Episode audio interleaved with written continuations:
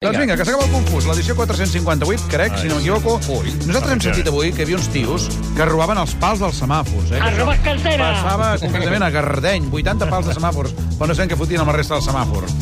La confusió que ens ha quedat després d'això és veure que si la gent està disposada a robar pals de semàfors i només el pal, què robaríeu vosaltres aquí els companys del confús aquí presents? Per exemple, Pipo Serrano, el coordinatriu. Sí, jo les sirenes dels guàrdies urbanos. Ah, molt bé, Per per fer quin a casa motiu? una festa.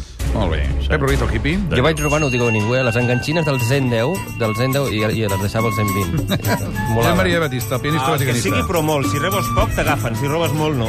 Ah, Maria Lollarès, la tecna Jo tinc pràctica. una obsessió amb els números i a vegades, segons quina matrícula, tinc ganes d'agafar-la. Ai, Ah. 69, El Ricard 69. Ostrell, que robaria?